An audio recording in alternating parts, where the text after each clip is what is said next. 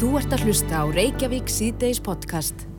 Reykjavík síðdeis, það var frétt sem að byrtist inn á vísi.is eh, núna byrja jól og nýjás sem að vakti aðteglu okkar en eh, þar er fyrir sögnin Íslandingar feitastir allra í OECD-landunum og, og þar er listi yfir lönd þar sem að uh, hennan umrætta lista þar sem Ísland trónir á toppnum Mm -hmm. neðst er hvað Rúmenja Akkurat. En við erum þarna efst og þar, þetta er, er byrt í prósentum mm -hmm. og það talað um að sko 27% fullorðina uh, séu ofungir. Já, akkurat. En uh, það er spurning hvað veldur þessu vegna þess að þetta er eitt í fyrsta sinn sem að við erum efst á slíkum listum og það gengur greinlega erfiðlega að, að svona ráðast á rótum vandans eða hvað? Já og það vekur líka aðtikli hérna á þessum lista sko af uh, ef við berum okkur saman við hinn Norðurlöndina þá Mhm. eru við já, langa efst Já. og Danir eru svona í meðalagi þungir og Normin og Svíjar verðast vera meðal þeirra grenstu. Mm En við hérna upp á klaganum, erum þarna á topnum. E, á línunni er Jóhanna Eirún Torfadóttir, hún er doktor í líðhelsu og verkefnistjóri á hjá landlækningsembatinu. E, þegar það kemur að næringunni, kom til sæl. Komið sæl. Já, eins og við segjum, við erum enn á ný efst á slíkum listum. Hvað, hvað heldur að valdi því að við náum ekki að, að koma okkur neðar á, á þessa lista? Það eru auðvitað margar ástæður. Þetta er aldrei einhver eitt sökudólgur. Nei, En uh, það sem er svona tengt helst við þýndaraukningu er að, að það er reyfingaleysi, uh, mikil skjáttími, þannig að við séum að mikið að horfa sjónvarp eða fyrir fram á tölvu eða í símanum. Og svo er það, þegar við kemur á mataræðinu, þá er mjög mikilvægt að borða mjög mikið heilkotnaverum, grammeti og ávöxtum og bönum og takmarka neysla drikkjum og matvæðalum sem innihalda viðbættan sigur. Og við höfum síðan eh, 2013 í raun og veru að hafa lækka vörugjöld á góðstrykkjum í Íslandi sem hefur ekki verið að gerast í nágrannlendunum okkar. en hefur ekki dreigið úr neslu á slíkum drikkjum?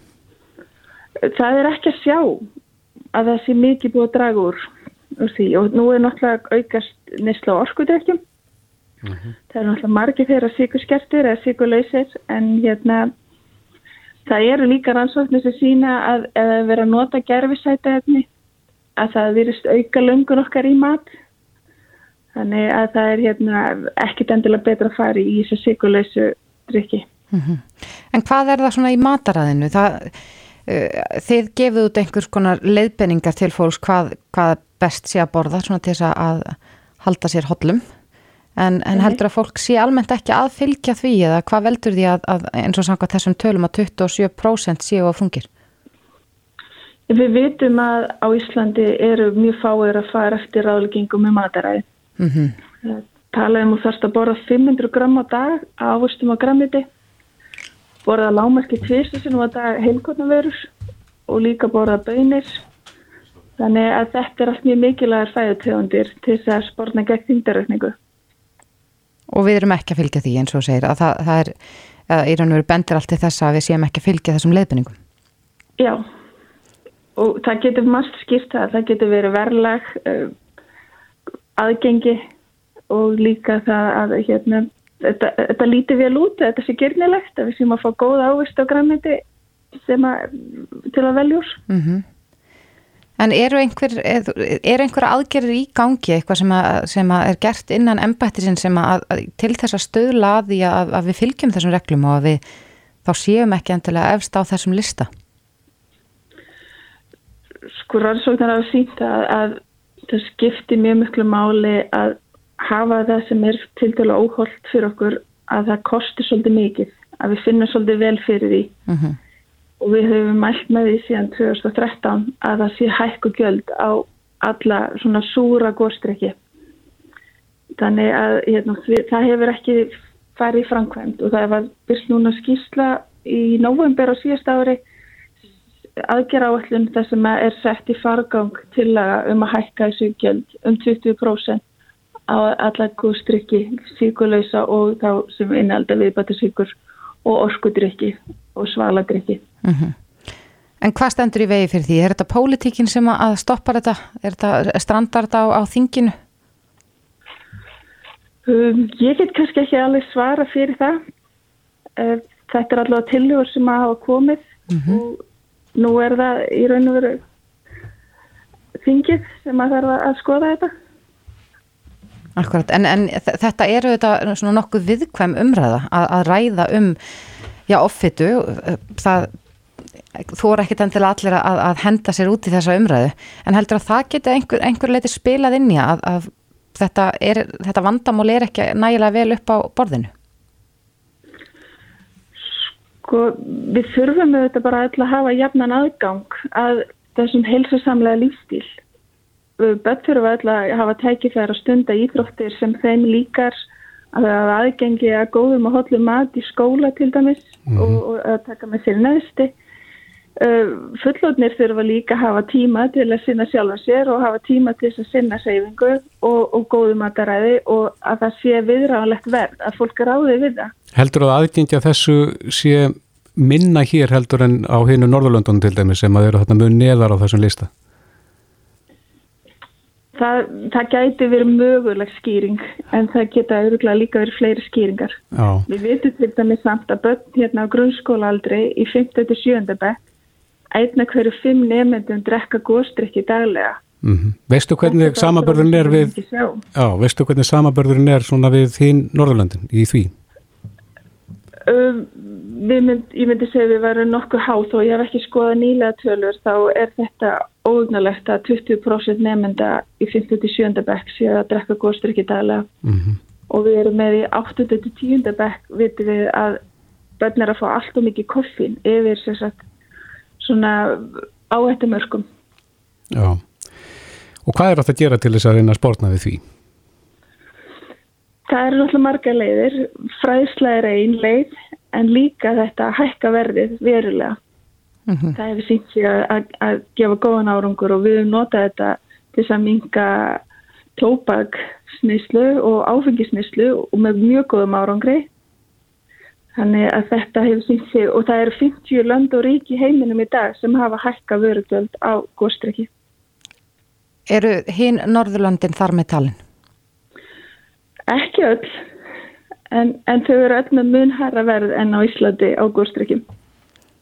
Já, en við allavega trónum enna á toppi þessar lista. Eh, Jóhanna Eirún Torradóttir, doktor í Líðhelsu og verkefnastjóri næringar á Líðhelsu sveið Embætis landlæknis.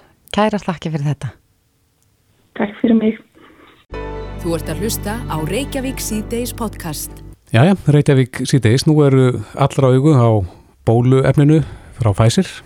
Já. Sem að þeir byrjaði að gefa hér á Íslandi að fyrstu lótu lótiði því. Já, og sóttarnalækni saði nú áðan að við mætt, eða svona vonaðist til þess að meira bóluefni berist til landsins fyrir en talið var. Já. Til þessa. Er það frá Pfizer þá eða frá Moderna þegar Já, það leiði komið? Já, akkurat. Þetta, þetta var frá Pfizer. Það var vona bólefni fyrir um 25.000 manns fyrir lok marsmánar og uh, svo eru þessar viðræður enn í gangi um mm -hmm. þessar bólefnis rannsókn með Pfizer. Já, en við heyrum líka fréttir af aukaverkunum sem að ég veit að sumir eru slegnir yfir og svona ég veit ekki hvort að þetta hafi eitthvað áhrif á, á viljamanna til að láta bólusetta sig. Nei, en ég held að við komum fram að sko 65% eh, Íslandinga mm -hmm. muni, eða segjast muni taka bólöfni um, um leið og hægt er Já. og við viljum allavega ekki að svo tala lækki. Nei, en við heyrum að því að það er búið að tilkýna um eh, einhverju aukaverkani til Lífjastofnunar og Rúna Högstóttir er fórstjóri þeirra stofnuna, kom til sæl. Sælumlega. Já, hvað eru þessa tilkýningar orðna margar núna? Uh, við erum núna, það sem ég hef hérna fyrir fram að mig, erum við með 12 tilkynningar. Hvað var það grunn um aukavarskan sem hafa búrist okkur? Uh, flestar innsendar, uh, sem sagt, eða tíu af þessum tilkynningum var það bara, eru, eru svona minnihattar, enginn á stungustaf, höfuverkur, seimu og þreita. Mm -hmm. einhver óglið og þingst fyrir brjósti, þetta er það sem hefur verið tilkynnt, en það hefur verið tilkynntar tvær alvarlegar aukaverkanir til okkar. Já, í, hvernig lýsa þær sér? Ertu með upplýsingar um það? Eh, ég er ekki með nákvæmlega upplýsingar um það eh, eh, önnur önnum sem, sem sagt, uh, var nefnt á, á upplýsingafundinum í morgun held ég Mm -hmm. að það er sem sagt, uh, það er döðsfall sem átti sér stað uh, og það var náttúrulega aldrei sjúklingum undirleikjandi sjúkdóm og svo sem það er óljóst hengsl sem sagt að milli bólusetningar hennar og, og, og, og, og þessa. Er það heimilismæður og hjúkunarheimili þá sem að þar umræðir? Ég, ég, ég veit það ekki og gæti að heldur ekki gefið það. Nei, nei. En, en hitt tilfellið? Uh, það var einhver sem lendi inn á uh, uh, gjörgjæslu en var líka með undirlíkjandi sjúkdóm mm. og ég, ég held að það sé bara mjög mikilvægt að fólk ger sig, eða sko það sé komið fram að við erum náttúrulega, það er verið í þessari fyrstu umferð að bólusetja elsta og veikasta hópin okkar Mm -hmm.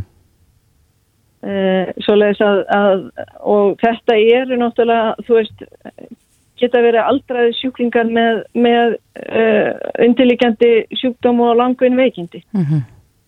Rannsakið þið uh, þetta, sagt, hvort að um, þið fá tilkynningar og, og far, fer síðan eitthvað ferli í gang til að skoða til dæmis eins og orsakasamband á milli sko, bólusetningar, undirleikjandi sjúkdóma og, og þeirra aukaverkana sem komið hafa í ljós?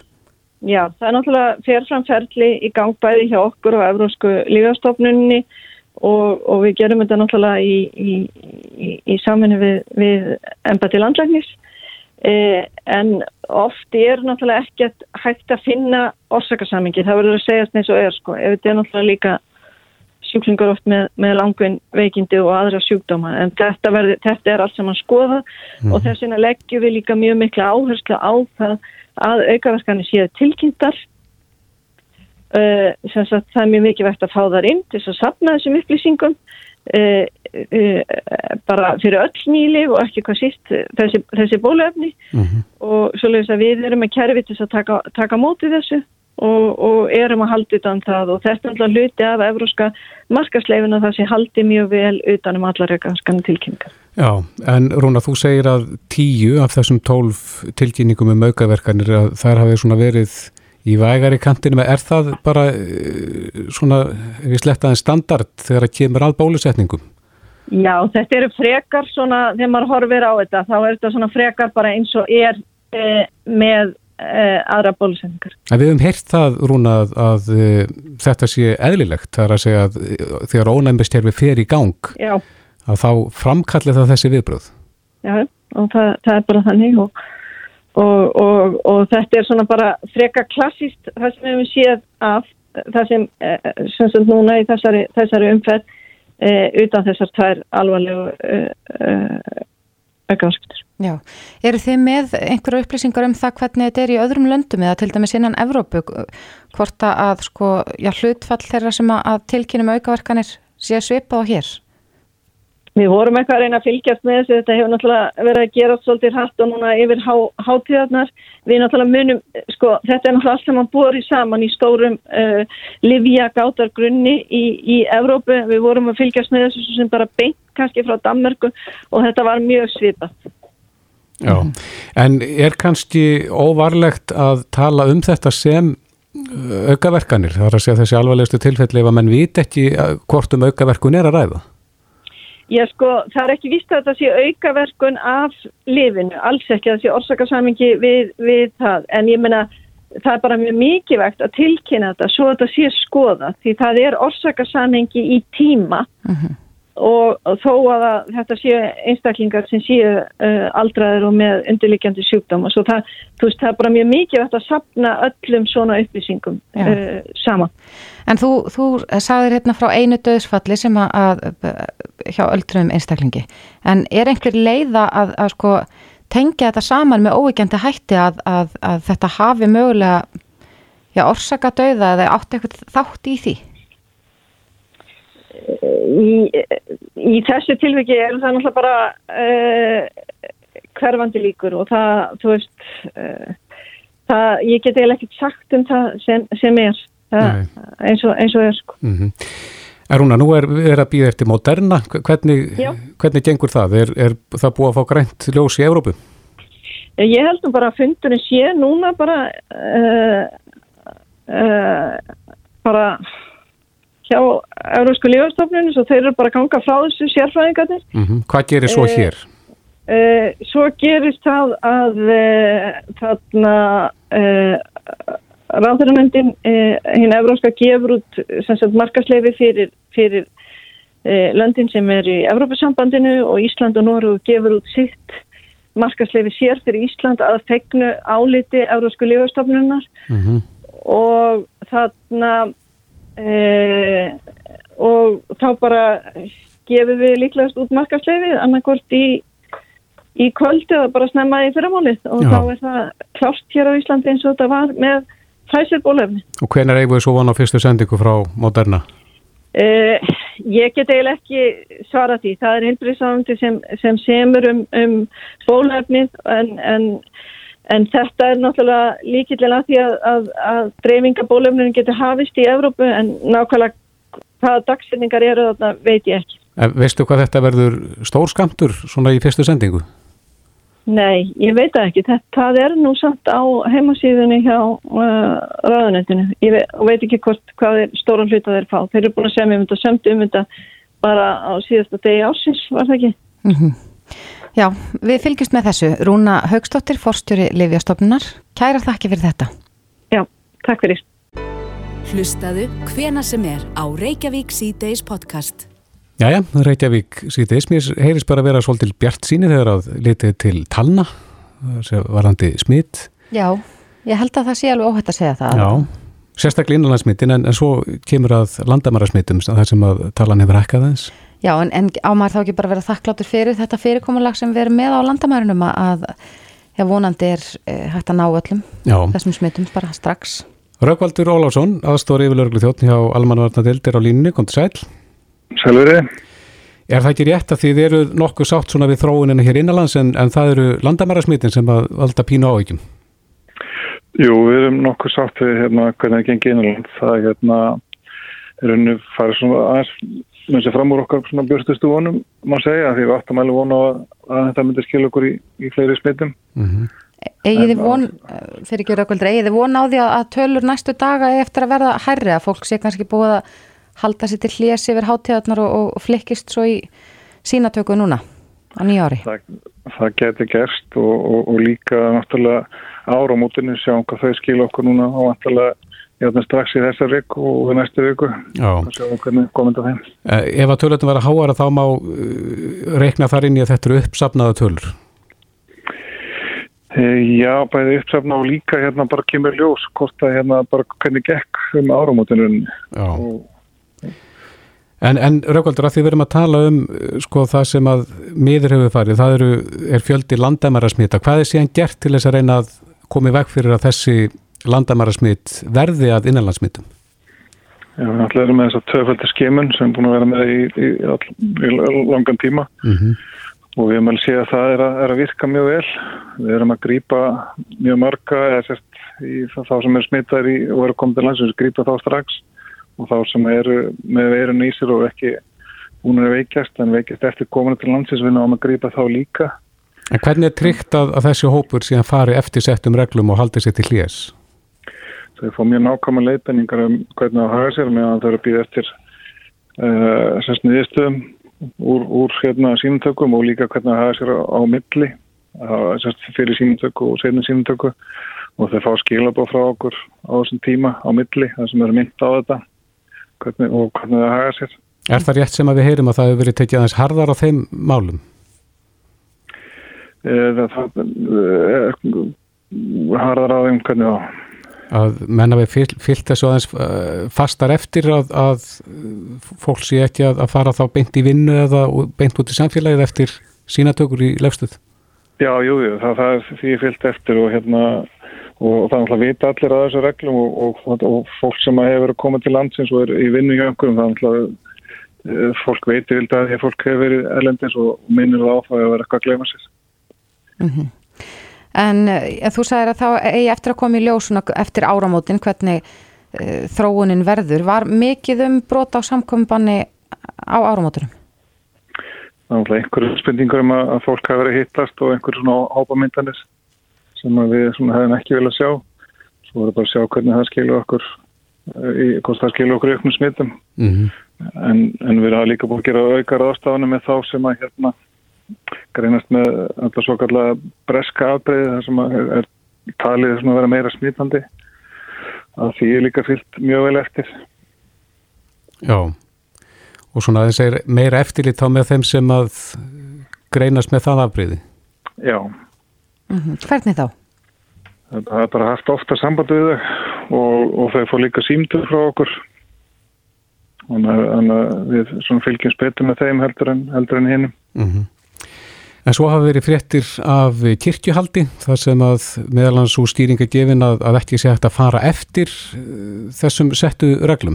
e, Já, ég ætla svo að þekki ekki þetta einstaka mál mitt meira heldur en þess að fram með komið í fjölmjölu en það er náttúrulega þessi reglu búin að gildi í svolítið tíma og, og það er alveg vita held ég af hverju við erum með þessar reglur. Og við sjáum líka bara við berum okkur saman löndin í kringum okkur hver staðan er á faraldurum hjá okkur og það er ekki komið að sjálfu sér, það er bara komið að því að það er mikil samtakamáttur hjá fólki, að fólk er að standa saman mm. og öll að hjálpa stað að ná þessum árangri og hann, höfum bara náð honum með þessu samtakamætti þannig að ég, ég veit ekki alveg hvað það verður að segja ef það er hægt að fara eftir þessu það er hérna það bara sýnir sig hvað, hvernig gengur eða það er gert og, Mhm. og þetta er mikil sem vinna Já, en eh, eru þið ekki alltaf að læra þar að segja af, af reynslunni? Nú er til dæmis búið að, að opna í, inn á sundstaði og, og hárgreislu fólk hefur fengið og snirti fræðingar hafa fengið að taka til sín, sína viðskiptafinni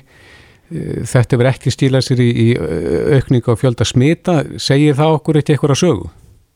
Jú, örglega og við erum alltaf búin að tala um frá upphafi að hérna, þetta er nýtt fyrir okkur öllum og það er allir eftir að gera einhver mistök á þessu já, að, sérst, í, í þessu verkefni og, og, hérna, og við hefum alveg reykið okkur á ýmislegt og þetta er bara að tækja til þess að þá að læra af því og, og, og hérna halda áfram og, og það er það sem við ég að gera allan tíma og við erum svona alltaf að finna betur og betur hennan gullna meðaveg sem að geta ratað þar sem að allir svona ná að standa við sitt Já, akkurat. Rökkvaldur Ólásson, aðstóður yfir lörglu þjóttn hjá Almanu Arna til Dríkislörglustjóra. Kæra þakki fyrir þetta. Takk fyrir. Reykjavík síðdeis á bylginni. Reykjavík síðdeis á bylginni heldur áfram. Við eh, höfum nú rætt ansi mikið um verslunina svona í kringum jólinn og, og, og þessar, þessar netdaga sem voru hérna í loknóambur. Mhm. En samkvæmt nýjustu tölum frá rannsóknarsittri verslununar þá bara slóum við öll met í nóambur. Já, Íslendingar hafi ekki komist út til að vesla, þannig að við þurftum að eigða peningunum eitthvað staðar eða hvað? Já, mér sýnist það. Já. En það, er, það hlýtur að, að teljast gott fyrir verslun hér innanlands að, að þrátt fyrir þessar miklu takmarkanir sem voru uh, hér í nóvambur að þá uh, hefur þetta skilað sig í kassan hjá verslunumönnum. Já. Andrés Magnússon, frangotastjóri samtaka verslunar og þjónustjóra á línu, kom til sæl. Sælur þeir. Eru þetta utanlands eh, peningarnir sem að við erum að eigða hérna Íslendingar í verslunum? Já, þannig að það leikur fyrir að við erum að eða ja, 150-200 miljardum sem túristar í útlöndum svona í venjulegu, á venjulegum árum. Mm Við erum ekki að því núna eins og allir vita og þess veitan er náttúrulega sterkur kaupmáttur á Íslandi ennþá þrátt fyrir þessa óorun sem við erum að gangi í gegnum. Það hefur syngt sér í príðilegri e, afkomi í Veslun og þessar tölur sem e, við sjáum til dæmis fyrir kortaveltuna í nóvumber síðan eru bara til e, hérna e, til merkis um það hvað, hvernig staðinu hjá okkur. Verslunumenn hljóta að vera ánæðir með, með þetta. Já, það er náttúrulega bara, og við höfum ekkert verið að fjela það allt þetta ár og sagt það margótt að við, við höfum hérna við, þannig laga notið góðsa þessu ástandi, sérstaklega því að fólk er ekki að ferðast til útlanda nema í mjög litlu mæli og, og þar leðandi er allavega hluti að þeirri neyslu sem að undir vennulegum kringustæðum færi fram erlendis skila sig í nýjislega þakkir og það er vissulega jákvæmt. -hmm. En Andris, er þetta heilt yfir línuna sem að vestluninni gengur vel eða eru ykkur sömur kemar sem að gengur ekki vel? Já, það náttúrulega likur alveg fyrir og er náttúrulega uh, hérna auðvitað skýring á því að uh, sáhluti vestlunum sem er að fókusera á erlenda ferðamenn, hann hefur ekki gengið vel maður þurfa kannski ekki ganga lengi með bara Reykjavíkur til að sjá þess dæmi. Minni að gripa verslanir og slíkt? Já, ég menna þessar verslanir sem eru kannski fyrst og fremst að uh, hérna fókusera á ferðamannin, uh, svona ferðamanna verslanir, við getum sagt svo, svo og aðra verslanir sem byggja stóra hluta á okkomu sinni á ferðamannum. Uh -huh. Þetta er náttúrulega mikið af verslanum í miðbar Reykjavíkur sem hafi verið að þróa sig í þessa átt og svo verslun á landsbyðinni viða sem hefur verið að þróa sig í þessa sama átt. Akkurat, en hverjum hefur verið að ganga best svona í þessu árferði?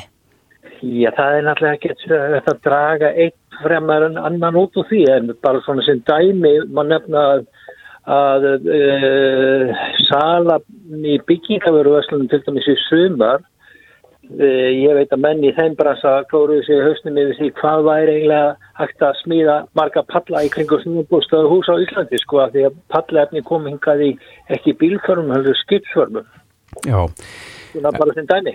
Einmitt, en e, nú fer svona að byrta til þegar það kemur að, að faraldrinum og Íslandika farða vantala að sætja meira elendis. Hva, hvernig sér þau fyrir framaldi fyrir veslunina? Já, ég menn það, sko, það er náttúrulega uh, hérna, engin ástæð til svart síni en náttúrulega vona það allir að þessu ástandi fara að ljúka. Það er ekki, þetta er náttúrulega algjörlega absúlt ástand sem við erum búið við núna í hvað tíu mánuði og uh, hérna það er uh, fyrir heildahagsmöðin í samfélagsins líkur það alveg heilir að, hérna þeim er fyrr sem að bólefni kemur til að til að uh, hérna bólusita meiri hlut af þjóðarinnar þeim fyrr fer landið er ís og eðlilegt ástand fyrir að skapast og það líkur alveg fyrir að það er mikil uppsafnið ekki bara hér heima heldur hjá einum almenna ferðamanni vitt og breytum heiminn og það er Ísland mjög hátt á listanum og, það, og þegar að þegar að ástandi fer að batna og verður kannski eðlilegt svona tíman þegar að líður á árið að þá munum við e, Íslandingar njóta mjög góðs af því að fá hinga ferðamenn í auknum mæli. Já, en þessar stipulegu verslunarferðir Íslandingar til útlanda hafi verið svona þyrnir í eitthvað augum? Já, ég menna við það hafa verið þyrnir í, í augum okkar, augljóslega, en e, það er náttúrulega ekki gott uh, um það að segja hvort þær koma aftur beinins. E, en svo kemur fram í þessum tölum þarna frá, fyrir november, þá var 17% af veldu í smásuluverslun þann mánu í formi netverslunar og það er hlutfall sem við hefum aldrei séð á Íslandi áður og þá er það spurning sko hvort að fólk var ekki bara í öknum mæli að, að uh, vesla á netinu. Og það sem er þó gott við þetta er það að Íslensk fyrirtæki, Íslensk veslun hefur mjög sótt í því veðrið þar. Uh, það eru allir, má ég segja, sem hafa tekið mjög myndarlega til hendinni gert heima sigur við mótin hjá fyrirtækjunum miklu söluvænlegri og og þannig að fyrirtækinn hafa mjög notið góðs að því og það er alveg feina línur að hvert ábransa að þá hafa hérna eru menn ánæðir með það hvernig netverslunum hefur komið út hjá þeim og, og, og, Íslensk verslun, Íslensk verslun og fyrirtæki eru að standa sig bara mjög vel orðið í samkeppninu þessar stóru erlendu að alþjóðlegu uh, hérna netverslunum sem allir vekja. Já. Andris Magnússon, frangatastjóri samtaka Verslunar og Þjónustu, kæra þakki fyrir þetta. Ok. Þetta er Reykjavík C-Days podcast. Reykjavík C-Days á Bilginni heldur áfram. Nú er janúar Já, byrjaður einmitt. og þetta er tíminn þar sem að fólk tekur oft til í, í helsunni eða svona mataræðinu og byrjar að hreyfa sig meira. Já, En þessi mánuður er líka tilengaður veganuar þess að það margir taka þátt í veganuar já, og eru vegan, vegan. í januar já, og þetta er, eh, ég held að það sé til þess að, að vekja fólk til umhugsunar um umhverfið og dýravernd og annað slíkt fólk Mhm. er auðvitað vegan af mörgum mismönd ástæðum Við höfum nú reynda að gera kannanir svona hjá okkar hlustendum og lesendu vísis og það er nú ekki íkjamarki sem að taka þátt í þess en ég held að sá hópur fari samt stækkandi. Já, ég held það líka. Ég man eftir því hérna fyrir árið síðan, þá töluðum við formann uh, samtaka grænkjara á Íslandi og, og hún sagði allavega þá að þetta væri bara svona snjóboltárhif þetta er starra og starra mm -hmm. á hverju ári. En svo eru þetta frambóða vegan vörum orðið allt annað heldur en það var hérna bara fyrir eh, örfám árum síðan. Já, en við heyrum samt af fólki sem allar að taka þátt en strandar veginn, borðar allt í hún allt og lítið og, og veit ekki alveg hvað á að setja ofan í sig? Nei, á línunni er Magnús Reyr Agnarsson hjá veganbúðinni. Kom til sæl Góðan daginn Já, þið rekið búð sem er, selur mikið að vegan vörum og, og þetta er, já, það er nú ekki margar búðir sem að, að sérhafa sér í svona, er það nokkuð? Nei, það eru svona í nokkru löndum. Við finnum það líka þegar fólk eru að koma til okkar, svo frá öðru löndum að það sem þau eru raun og veru um að spyrja úti hvort þau séu með svona vestlanins sínum bæjum og löndum og það er ekki mikið þess að það sem er alveg 100% vegan, það er svona eitthvað blandað mm -hmm. en uh, þetta er náttúrulega mjög vaksandi hjá okkur og fólk er gríðilega ánægt að koma til okkar og fá að sjá allt úr álið Já. En það er margi sem að halda að uh, þetta sé mjög einhæft það sé ekki mikið til sem að flokka sem vegan Er Já, það satt? Já, það er sko, fólk segir það oft í byrjun það er svona ákveð miskilningur, segir við að því að þegar við veltum fyrir okkur þá kannski erum við svolítið oft svona að borða sama matinn, hvort við erum kjötadur eða hvað við erum að borða og veljum einhvern veginn alltaf það sama þannig að þegar fólk fyrir að skoða þetta og að setja sama rétti og úr allir því úrróli sem er orðið til að þá tala mjög mörg um það að það sé alveg gríðarlega fjölbreytt þannig sem það sé hægt að borða mm -hmm. þannig að hérna, þegar fólk fyrir að sökka sér inn í þetta og kynna sér þetta þá sér það að það er auðvitað hægt að gera gríðarlega margt og gott úr uh, vegan mat. En eh, Magnús, ef að fólk kemur í, til þín í veganbúðina, getur þú ráðlegt hvar á maður að byrja? Sest, ef maður er vanur því að vera að borða mjölkufurur og kjött og fisk og, og allt saman, að, eh, setja saman máltið þannig að maður sé að fá næga næringu? Já, við gerum talsut að því. Það er mjög mikið af fólki sem kemur hérna, sko, jafnveld daglega og spyr bara, já, maður ekki bor í kvöld. Er því að þau vita að ég er búin að vera er mikill mat áhuga maður mm -hmm. þannig að ég hef prófað að setja mjög margt saman og bendið múið kannski hvað ég var að gera í gæri eða þar áður og hvort það sé gott eða hvernig það var þannig að hérna ég fæ mjög mikið af spurningum og fólk er ofta að velta fyrir sér veist, hvernig fæ ég ná prótein eða hvað þarf ég að passa skipti yfir, veist, þetta B12 og D og omega það sem fólk er svona helst að hugsa um mm -hmm. og Við eigum orðið staðgengilsvörur, við erum náttúrulega allar vörur það sem að svona uh, kjötatur er að borða, þannig að hérna, fólk er þetta mikið að spyrja okkur hvað er best, þetta er marga tegundir og, og hvað veljið þið helst veist, á ykkar heimili, hvað svona stendur fremst í þessi dag, það er alveg gríðaleg framþróun í framleiðslu á einhvern matvælum í heiminum. Uh mhm. -huh. og við sjáum það eins og bara síningum erlendis að allar nýjungar á þessum matalasýningum eru mjög mikið í vegan það er, það er bara þangar sem heimurinn stefnir sem fólk gerir svolítið grein fyrir að verður samtíðin mm. Akkurat En þeir sem að ákveða að taka þátt í veganúar eh, þið vantilega fáið opana þessu fólki til ykkar er það ekki? Jó, hann svolítið gaman að því þess að við sáum núna þegar við opniðum á nýja ári, hann var annan janúar að það fylgti spúðin bara fólki sem við höfum aldrei séð á þurr og bara langt fram á dag það var bara nýja andlit og, og fólk að horfa í kringu sig og hvað og spurja og, og byrja og við svona taktur nýjus þannig verðist vera núna og við sáum það líka fyrir jólina því að við framleiðum alltaf mikið af vegan matvölum eins og jólasteikam og svolítið í, í gegnum jömmvörumerkja okkar uh mhm. -huh. þar var sko salan tvöföld frá því í fyrra það var svo mikið aukning að fólk var að velja að hafa vegan valkosti á jólaborðinu líka. Og við sjáum það út í heimi að það er spár alls þar en það vegan og verði núna sko starri en nokkur sinni. Og mm -hmm. alltaf að fá meira fylgi og það er auðvitað það sem við erum að gera hjá veganbúðinu og ég erum bara gera aðgengi að þessum vörum auðveldara.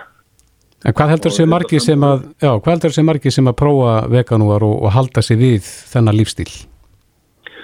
Sko, þegar við sjáum fólk sem er að tala um þegar það varður vegan ákvað að taka skrefið og, og pröfa þennan lífstíl þá tala mjög mörg um það að þau hefur ákveðið að prófa að taka veganóar og svo ekki stýði tilbaka. Þannig að það er mjög mikil uh, hluti fólk sem að notar veganóar til að prófa, bara nýtt upp af nýtt ár og fer svo ekki tilbaka. Þannig að það er svona næra tengja aftur Já. tengingu við það eins og við hérna dýrin til dæmis. Það ertum ekki verið að þau fyrir ekki að drepa þau fyrir okkur. Akkurat, en, en er, út að ég sá inn á, inn á vefsíðunni hjá okkur að þeir eru með slatt af bætefnum, er nöðsynlegt fyrir fólk sem að að borðar bara vegan mat að taka einhver svona bætefni eða eitthvað eitthva aukalega með fæðunni? Nei, sko við segjum alltaf eh, það er algjörlega nöðsynlegt að eh, nota fæðabóðræfni þar að segja bara B12 Eh, það er þannig að eh, raun og veru svona bakterja sem lifir í græsóttunni í moldinni sem að dýrin borða og fá B12 og þess vegna fer B12 í kjötið. Það er náttúrulega orðið útseint þar gegn kjötið en þessar eru áherslu á gremmet í dag sem er náttúrulega rektað í moldinni að það eru svo vel þrifið allt saman sem við kaupum í búðinni þannig að það er búið þrifið allt í burtu. Þannig vegan fólk eh, þarf að taka B12. Það er svona aðalmáli það er náttúrulega snöðsilegt fyrir okkur að taka B12 og flestur við og ættum að taka D sem að hjálpar okkur hérna á dimmi Íslandi Akkurat. svo er þetta mjög gott að taka omega líka en almennt uh, séð þessi mýta með það veit, sem vika fólk er alltaf að hvað er allir prótein það er prótein alltaf í nánast öllu mat þannig að það er prótein í kartöflum sko. þannig að ég persónulega hef ekki ágjör af próteini og hef aldrei haft en uh, öll þessi næringarinn sem við fáum í staðin úr þessari græmitis fæðu og öllur steinefnin og allt sem við fáum kannski ekki úr einhefu kjötfæði það er svo margt að vinna sem að bætist við. Sem er gott fyrir okkur. En uh, aðeins að bera það undir því, það var sagt hérna um daginn frá uh, rannsókn, hún byrtist í, að það sé sagt að þessar rannsókn í Journal of BMC Medicine, uh, það sem að 55.000 uh, nokkuð heilbriðir brettar voru svona skannaðir og það kom í ljós að þeir sem að stunda veganmatar eða þeir eru 43% líklegir til þess að beinbrjóta sig, heldur en hinnir. Varstu Já. búin að heyra af þessu? Nei, en sko sko þegar við horfum á eins og beinþýningu þá er hún kannski og, og við ekki er mest í innu vestræna heimi þar sem við erum að samt sem aður að drekka alla þessa mjölk og, og hérna í þessu mæli þetta sko mjölkur hinn er náttúrulega alltaf að gengi út á það er að fá nákvæmt í beinin en samt er alltaf beinþýningin mest í vestræna heimi en ekki aðsýrlendunum sem ekki verið mikið af nýsli mjölkurafura þannig að það er svona uh, spurning hvernig hvaða punkt eru tekin út úr svona rannsóknum? Líka til að beinbrjóta sig já, ég skal ekki segja en þú veist við sjáum líka þetta að þetta gríðarlega lækku, lækkaða líkur allir sem fá hjartaföll og skiptir í veganismu þannig að það er svona Að við varum á móti. Já, ég meina það er svona spurning hvaða þú veist, og það er náttúrulega helsta dánarsök í heiminum, það er náttúrulega helsta sjúkdómar og hjartaföll, þannig að hérna ef við tökum það í samingi, þá er spurning sko, Akkurat. hvernig við horfum á þetta mm. En það er búið að vera brjála að gera ykkur núna á nýju ári í upphafi veganóar og, og heldur líklegast áfram fullt af nýjum viðskiptavinum. Já, já, já, það er hérna auðvitað í veganbúðinu og hjem og uh, það er heilsala líka þannig að við erum að selja aðra veslanir, við getum eitthvað vörum og reyna að breyta þessari einu ásýnd kannski, það er hérna í mörg ár. Mm, Í, í þessu, það var alltaf lítið til í þessu fyrir bara nokkrum árum, en þetta er hratt að breytast og mörg að koma að og veslanarkeðin er búin að gera frábæra, frábæra hluti líka í þessu, bæta úrvalið. Já. Magnús Reyr Agnarsson hjá vegan búðinni, við bara segjum við þá sem ætla að taka þátt í vegan og bara gangi þeim vel. Kæra þætti fyrir spjallið. Nákvæmlega. Takk, takk, ekki máli. Reykjavík síðdeis á Bilginni podcast. Jæja, Reykjavík síðdeis, það er nú svona ímislegt sem að breytist á árabótum. Já, það gerir það. Það var ný uh, lögum fæðingarlof til dæmis taka gildi, er mikið fjallað um þau og svo er alltaf uh, einhverja skattabreitingar Já. sem eiga sér stað um áramót. Einmitt, en uh, Viljum Þór Þórsson, formaður fjárlega nefnda þingsins er á línu, kom til sæl. Já, komið sæl og gleðilt ár. Já, gleðilegt ár. Uh, svona það helsta sem að, sem að þú mannst eftir og, og breytist núna um áramótin. Já, það er rétt hjá okkur. Mér finnst nú kannski það stæsta uh, kærast í þessu er lengingin á fæðingarólöðinu mm -hmm. í 12 og það var mikil. Samstæðu það er ringinu en, en svo eru þetta eru alltaf einhverja breytingar eins og þetta eigið um áramótin. Það fengur kannski ekki mikla aðtekli núna vegna þess að við erum að vera svona döðtöki með COVID og mæta, mæta þessu kannski útgjald megin en, en, en það er það svona síðar áfangi tekjuskattbreytinga sem að sem að taka gildi núna um áramótin. Þannig að, og þannig að kannski held þar að nefna að grunnþrepið skattprósentan í grunnþrepinu lækkar og, og, og þá er að komin svona þessi, þessi skattkerfisbreytingar að fullu til frangvönda mm -hmm. sem að þýða um 120.000 krónur fyrir, fyrir lægstu laun í, í kaupmáttar aukningu í puttuna þannig að og aukin launajafnu. Mm -hmm. Úr hverju fer prósentum í hvað? Í, í grunnþrepinu þá er er hún að fara á 35 í 31,45 þannig að, þannig að það, það er þá lagsta þrepi og nú erum við þetta í þrjú þrep Já, það er, það er þá og, og svo ertu með miðþrep sem að hækka lítilega en eftir þrepið er er óbreytt. Þannig að það er verið að lækka álugin á þá lækslaunuðu og, og hækka þá á millistjættina. Já, þannig að þetta, þetta, þetta, þetta breytir svona og, og hérna, skattleysis mörg, uh, mörg uh, launa hækka, hækka þar með. Já, en efstaþreipi, hvað, hvað gerist þar á þá hæstlaunuðu? Efstaþreipi voru við búin að hækka uh, eiginlega þegar. Það er í 46,25%. Mhm. Mm Þannig að það breytist, það, breytist ekkert þar. Já, það breytist ekkert núna. Það, var, það, var, það breytist um sko, áramótin þar áður. Þannig að nú er að komna þessar skattkerfisbreytingar sem eru mjög jákvæðir e, að fullu til frangvönda. Mm -hmm. Og svo er, er, er kannski að, það að nefna að, að barnabætur, skerðingamörk e, tekjustóps e, barnabóta er að hækka sem því er að barnabæturnar hækka þar með þannig að, að, að, að það getur þýtt alltaf 30 konar breyting fyrir einstaklega fórandi mm -hmm. með eitt barn? já, með, með tvö barn mm -hmm. og, og svona svo ég takk í dæmi. Þannig að það er svona, það er einmitt jákvægt í þessu.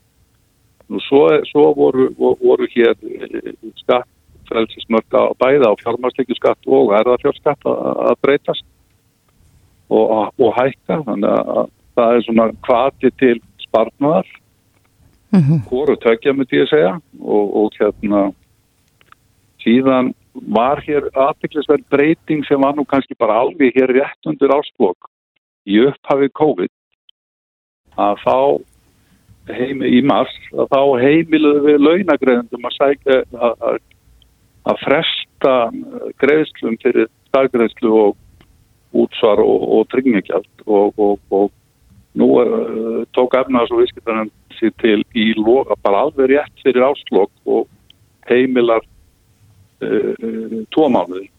Það má fresta tveimur mánuðum fram árið 2022 sem að kem, ætti að geta komið launagreðendum til góða. Með við erum að, að taka hérna loka, loka metrana í baráttunum við COVID. Mhm. Mm og svo var hérna mjög jákað breyting sem er endugreðsla á virðisvíkarskatti til að svona kveitja til framkvæmda 100% endugreðsla, hún var framlengt út árið 2021. Já, já, þannig að þeir sem eru í, í framkvæmdum, þeir hérna, þeir fá endugreðan vasting? Já, það, það er endugreðsla á vaski í, mm -hmm. í framkvæmdum, í byggingum og viðhaldi, hannun og eftirliti og ímislegt sem að fellur til og, og svo, svo var tekin upp 100% endurgræsla samtíkt á, á fyrir sveitafélagin og, og, og í heimlisjálf og umhverju heimila og ímislegt fleira eh, bifræðaríkjadis þannig að það er svona það er svona ímislegt sem að kannski við gleymum í þessu aðtjálfu mm -hmm. sem er jákvæmt En svona það helsta sem að hefur kannski bein áhrif á, á heimilin eru þessar já, breytingar á tekjuskatti? Já, og svo barnabótum. Já, ég myndi nú segja það og, og, og, og þetta eins og við byrjuðum á með fæðingarólum. Mm -hmm. Það er engin fleiri, engar fleiri svona, svona meiri háttar breytingar á, á heilu lagabálkunum líkt og með fæðingarólóið? Ekki sem að ég er nú með í kollunum í svipin. Nei, en það er þetta heilmikil breyting og, og já, mun... já, þetta er svona það helsta. Mm -hmm. Vilum Þór, Þórsson, uh, formaður fjárlega nefnda þingsins. Kæra þakki fyrir að renni við þetta með okkur. Já, miklu freka. Kæra þakki. Bless, bless. Bless. Reykjavík síðdeis á Bilginni podcast.